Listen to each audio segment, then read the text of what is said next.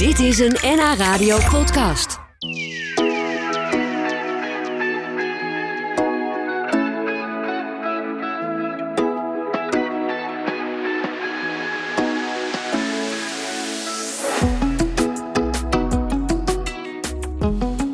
Kees Sietsma is vandaag onze gast. Hij heeft zijn hele leven onrecht bestreden. Eerst ruim 20 jaar als commissaris bij de Amsterdamse politie. Later vloog hij de hele wereld over om advies te geven aan bedrijven en particulieren over hoe om te gaan met afpersing, ontvoering, bedrijfsspionage. Nou, alles wat hij meemaakte in die jaren is nu te lezen in een boek geschreven door journalisten Gerlof Leistra en Patricia Jimmink. Kees is vandaag eh, bij ons te gast. Dat eh, vinden we fijn, Kees.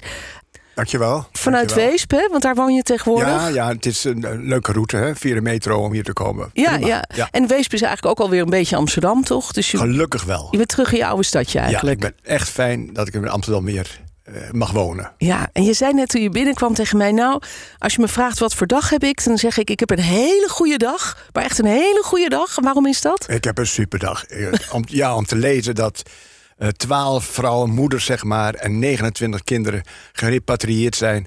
vanuit de kampen in Noord-Syrië naar Nederland toe. Natuurlijk moeten die vrouwen een, een Ja. vervolgd worden... Om, om, om de eenvoudige reden dat ze lid geweest zijn... hoogstwaarschijnlijk van een terroristische organisatie... Maar die kinderen verdienen hier gewoon een Nederlandse opvoeding. Het zijn Nederlandse kinderen. En daar moeten we absolute bescherming aan bieden. Ja, dat was- dusver ontbroken heeft. Ja, dat, dat is eigenlijk net vanmorgen in het nieuws gekomen inderdaad. Hè? Dat Ja. eh, die eh, vrouwen uit het IS-gebied terugkomen met de kinderen. Precies. En jij hebt je daar enorm voor ingezet. Ja, ik herinner me nog dat mevrouw Jitselkus, de huidige minister van Justitie, toen Ja. ik Kamerlid was, mij, mij op, mijn, op mijn tenen trapte toen zij Goedemorgen Nederland uitschreeuwde: Ik wil ze hier niet zien. Nou ja. Nou, godzijdank zijn er andere rechtelijke bevoegdheden die doorslaggevender zijn dan een lid van de Kamer. ja. En ik ben ontzettend dankbaar dat het vandaag eh, deze wending heeft gekregen. ja, waarom raakt dit jou zo? Ja, omdat deze kinderen preventief gehecht zijn. Nederlandse kinderen zijn, dan moet je tot het uiterste toe gaan. Als je niet meer om Nederlandse kinderen geeft die in het buitenland preventief gedetineerd, waar geef je dan nog om? Eh, Het is de- echt het kloppende hart van de democratie. Die moet zich er vreselijk voor inspannen. Dat is niet gebeurd.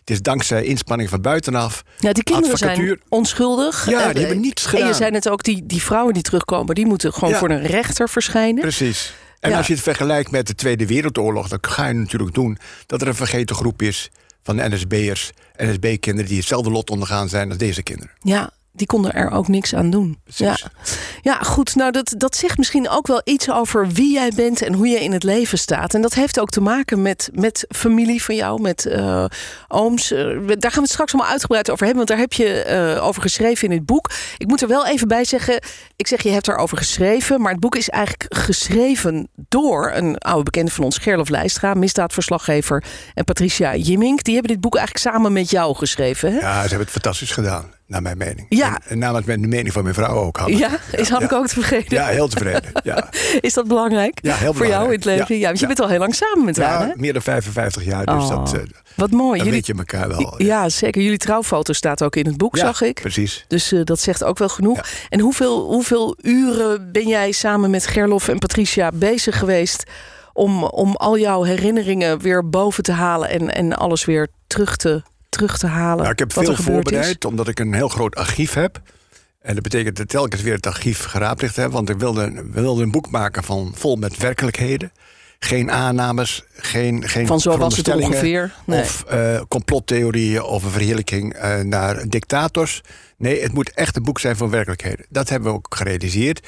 En zij hebben het fantastisch mooi uitgeschreven. Hoeveel uren? We zijn er twee jaar mee bezig geweest. Twee jaar. Twee jaar, 2020 zijn we begonnen. Zo zeg, jeetje. Ja. Nou, het resultaat mag er zijn. Een, een heel dik boek vol met, eh, met, met verhalen, ervaringen. Alles wat jij hebt meegemaakt door de jaren heen. Er staan ook nog mooie foto's in. Dus het geeft ook nog een heel mooi tijdsbeeld eigenlijk. We gaan er eh, zo dadelijk uitgebreid over verder praten.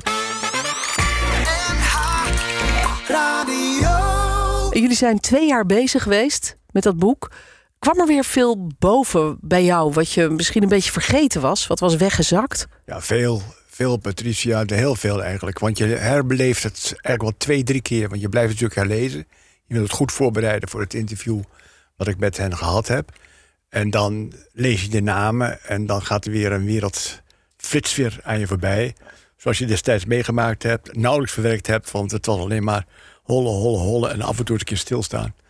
Uh, ik heb ervan genoten. Ja. Echt waar, ik heb ervan genoten om te zeggen... hey, die wereld die heb ik helemaal destijds beleefd... en die ga ik er nog een keer beleven. Ja, ja en je hebt daar uh, heel veel archiefmateriaal bij kunnen gebruiken... want je, je had nog heel veel dossiers thuis, hè, begrijp ik? Ja, het lijkt wel of ik al een voorgevoel gehad heb. Misschien heb ik dat deze thee nog wel eens een keer nodig. Enerzijds om mezelf te verantwoorden...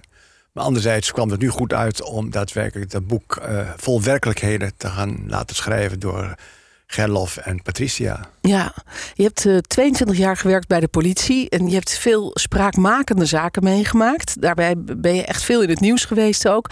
Jij speelde onder andere een cruciale rol bij de onderhandelingen en de wekenlange klopjacht op de Heineken-ontvoerders. Inmiddels alweer bijna 40 jaar geleden. Ongelooflijk eigenlijk. Hè? Kun je dat nog goed herinneren? Is dat ook zo'n zaak die, die nog wel eens door je hoofd ja, dat, oh ja, dat uh, kan me heel levendig herinneren. Ik kan me zelf herinneren dat het voor mij... Uh, de, de, de, ontvoering vond dus plaats hè, in 1983, november. En uh, ik werd toen gebeld door het hoofdbureau. Ik ben het hoofdbureau gespoed. ik heb als eerste gedaan mensen opgetrommeld... om te kijken of bepaalde doelgroepen die in staat zouden zijn... of waar inlichting over waren, die ontvoeringen zouden willen plegen. Om te kijken waar die waren, of die thuis waren of niet thuis waren. En terwijl ik daar bezig was, kwam ja, toen kwamen de houten betoten binnen, zoals de burgemeester, de procureur-generaal, het hoofdofficier van justitie, natuurlijk ook de korpschef. En ook mijn bazen eh, van, bij de recherche. Ja, het was een grote paniek. Ja, men wist niet precies of het een criminele gijzeling, ontvoering was. Zeker een terroristische, dat kon het ook zijn. En dan is het afhankelijk welk, welk team gaat nou als beleidsteam optreden. En toen heeft, uh, kwam mijn baas, uh, dat is Karel Jacobs. En Karel Jacobs ken ik al heel lang. Die was vroeger chef van de TOD. Eh, technische opsporing en herkenningsdienst. En als die dan zijn kop om de deur stak bij moordzaken. Uh, dan, en schraapte zijn keel, dan ging hij iets belangrijks vertellen. Oh ja. Dan zei hij een match. Nou, dan wisten we het allemaal. Nou, dat was fantastisch. Dat je een vingerafspoor was gematcht bij iemand in de kartotheek... die al een, een, crimineel verleden had. En die avond kwam hij ook bij mij op de kamer... en schraapte ook weer zijn keel. En zei, Kees, we hebben het erover gehad... maar we vinden dat jij in principe de operationele, operationele leiding moet hebben. Wauw. Ik dacht, wauw. Ja. Ja. Dat kan me voorstellen, inderdaad. Hoe, uh, hoe, oud was je toen? Uh, nou, 83 was ik dus eigenlijk 38 jaar oud. Ja. Zeg ik dat goed? Ja, 45 ben ik geboren, 38 jaar. Ja, ja. En, uh, maar je zegt, gezien je, je, gezien je reputatie en gezien het feit dat je zo'n internationale ervaring hebt, vinden wij dat jij ervoor geschikt bent. Ik zeg elkaar ontzettend bedanken en natuurlijk zeg ik ja, vanzelf spreek het. En ik heb ja, wel het gezegd, zou raar zijn als je zegt, nou nee hoor. Ik, heb wel gezegd, het is, het is, laten we een afspraak maken dat ik er weer tussenuit ga. Want ik heb mijn eigen baan natuurlijk ook nog te doen. Op het moment dat Heineken en Doderen bevrijd zijn of vrijgelaten zijn. Want dan begint het klassieke werk weer. En al die voorbereidingen, daar heb ik inderdaad wat meer verstand van dan mijn collega. Die wil ik graag inbrengen om te kijken of het onderzoek uh, zo gaat lopen zoals het gelopen is. Ja, en, en zou je kunnen nu voor ons kunnen, kunnen samenvatten eigenlijk wat jouw inbreng is geweest die heeft bijgedragen tot de oplossing van die ja, zaak? De, je, noemt, je noemt eigenlijk, mijn inbreng is eigenlijk geweest, uh, klinkt een beetje onnozel, maar het is het niet. Hebt een, wij noemen dat heel pamant de proactieve recherche. Met andere woorden, je stelt een aantal valkuilen op in de hoop dat die criminelen die de ontvoerders zijn, daarin trappen. Uh, mag ik een voorbeeld geven? Je, gaat in principe alle. Het losgeld moet helemaal geprepareerd zijn. Zodanig geprepareerd zijn dat je ook. Als je die sporen terugvindt, je kunt. Uh, en je vindt het bij de daders ook terug, dan weet je zeker dat het gerechtelijk laboratorium tot de conclusie komt. dat die sporen, die chemische sporen, waar het geld mee geprepareerd is. Dat is ook op de vingers of op de kleding aangetroffen van de dachter. Ja. Van de dader. Iedereen met de serienummers.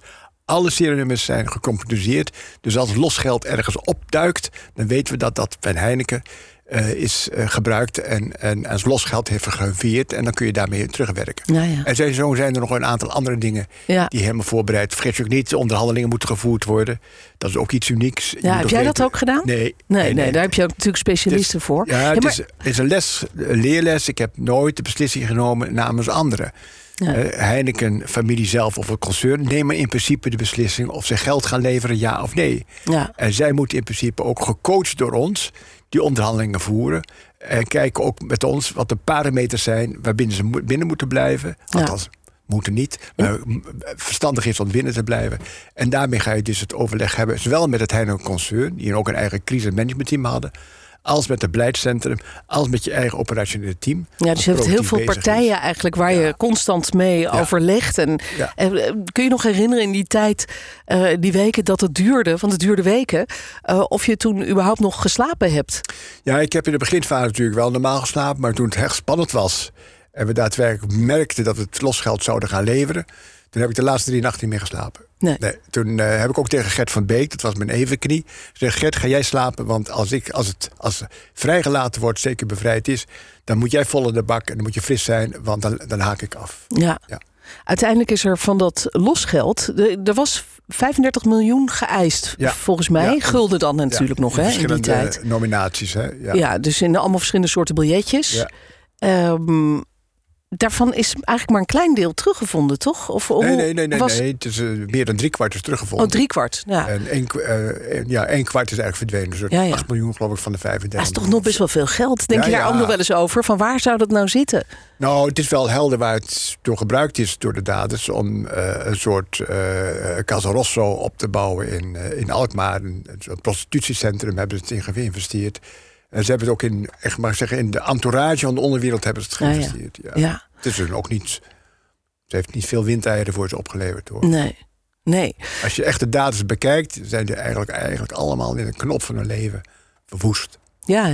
Ja, Ja. er is niet veel van hen overgebleven. het heeft ze niet gelukkig gemaakt. Nee. Nee. Het heeft niet het leven opgeleverd wat ze hadden Het is hun gehoopt. keuze geweest, maar ik denk dat... eh, ja, het is, heel, het is heel erg dat, dat dit soort mensen... eigenlijk in de knop van hun leven gestoord worden... ook niet meer normaal kunnen leven. Nee, komt nooit meer goed. Nee. Goed, we praten zo nog even verder, want er staan nog veel meer boeiende verhalen in jouw boek. Bijvoorbeeld over een ontvoering ja, die, die niet meer zo op mijn netvlies stond uit Laren van een jong meisje, Valerie.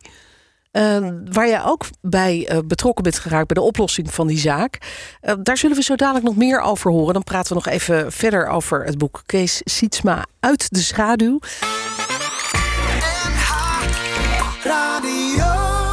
Ik praat vandaag met de oud-politiecommissaris Kees Sietsma. Hij werkte jarenlang bij de Amsterdamse politie en hielp onder andere bij de ontknoping van de Heineken-ontvoering. Maar er waren nog veel meer zaken en nog veel meer ontvoeringen. Hoeveel zei je? In totaal heb ik er ongeveer 27 gedaan. Ja. 27. Op de hele wereld, ja. Ja, ongelooflijk. Waaronder die van de tienjarige Valerie Albeda Jelgersma uit Laren. Eh, toen dacht ik, wanneer was dat eigenlijk? Die kon ik me niet zo goed herinneren. Als ik me goed kan herinneren was dat in 1987. Ja, 1987, dus na de Heineken-ontvoering. Het liep uiteindelijk goed af. Het meisje werd levend gevonden. Eh, eh, weet je eigenlijk ook hoe dat met haar gaat nu? Want die heeft natuurlijk ook iets afschuwelijks meegemaakt. heeft, uh, Gerlof Leidster die heeft haar gebeld. Eh, ook- Ja, die het boek geschreven heeft, Ja, hè? Ja. En die heeft eh, ook voorbereid dat die zaak genoemd wordt in, in ons boek. En heeft ook gevraagd: wil je bij de presentatie zijn? Dat wil ze liever niet, maar ze wil wel graag dit boek hebben. En het ging heel goed met haar. Ze is getrouwd en heeft kinderen. En ze vond het hele tent dat Gerlof Leidster haar gebeld had. ja. Was dat voor jou ook een emotionele zaak? Omdat het gaat over zo'n jong meisje? Ja, dat was echt een emotionele zaak. Ja, dat was eh ook voor het hele team. De voelde brok gedrevenheid, het hele team. Dit moeten we echt goed doen, maar ook heel professioneel doen. Je moet je emoties opzij zetten. En het betekent ook weer dat er een enorm team opgebouwd is, eh, waaronder een, alle observatieteams die Nederland telt, zowel bij de Korps Rijkspolitie als bij de overige gemeentepolities. In totaal zo'n 140 man. Uh, we merkten dat uh, de uh, ontvoerders belden naar het huis van de familie Albeda Jelgersma om de eisen te stellen. Dat ze belden uit telefoonstellen in, in Brabant. Kijk, vroeger was het geen digitale telefoondistricten nee. hebt. Je moet via de tandratjes moet je eigenlijk van districtcentrale naar districtcentrale gaan om te kijken welk telefoonnummer wordt er gebeld. Toen hebben we een legio telefooncel onder observatie gesteld. We zeiden van tevoren, er wordt op dit moment gebeld. En degene die dan op de telefoon zat, zat te kijken en er was niemand... ging naar een andere telefooncel toe om te kijken of daar wel iemand stond te bellen. En er werd ook gezegd, dit is het einde van het telefoongesprek. En dat was het moment waarop de daders, althans diegene die de onderhandelingen voerden... uit die telefooncel in Breda kwam, in zijn auto stapte... en gevolgd werd door uh, een observatieteam.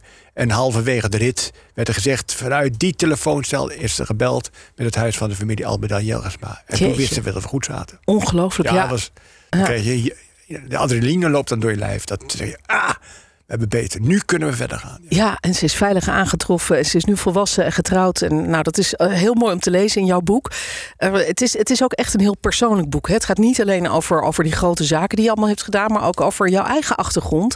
Uh, en bijvoorbeeld het feit dat jouw ouders je vernoemd hebben naar vier familieleden: Cornelis, Jan, Hendrik, Hein. Dat is jouw complete voornaam. Wie waren zij?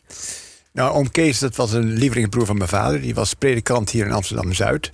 En gaf een kanselboodschap af eh, die hij met de dood heeft moeten bekopen. Al in 1942 in Dachau. En de anderen die, die hebben allemaal in het actieve verzet gezeten. Er waren drie broers van mij. En die in verschillende verzetsgroepen. De laatste twee, Hein en Henk. Die hebben een, eh, een eigen verzetsgroep gehad. Eh, genaamd uh, daar Hein. helpt elkander in nood.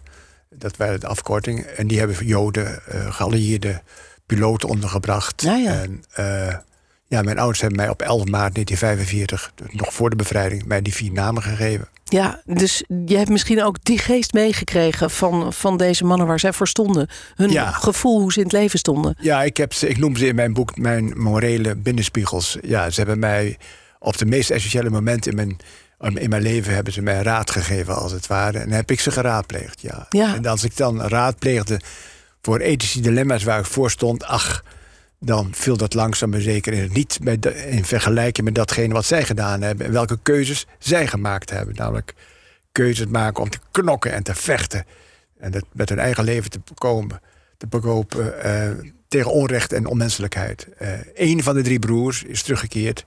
Uh, die is bevrijd ook een dag gauw op 29 april 1945. Maar was de rest van zijn leven gevangene van zijn concentratiekampsyndroom. Ja, ja.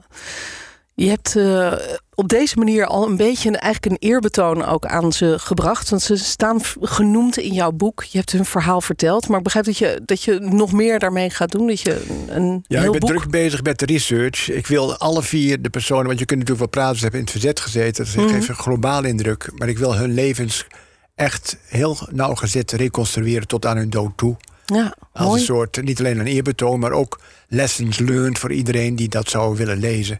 En natuurlijk, ik wil ze laten voortleven. Zij, zij mogen niet alleen maar begraven zijn of gecremeerd zijn.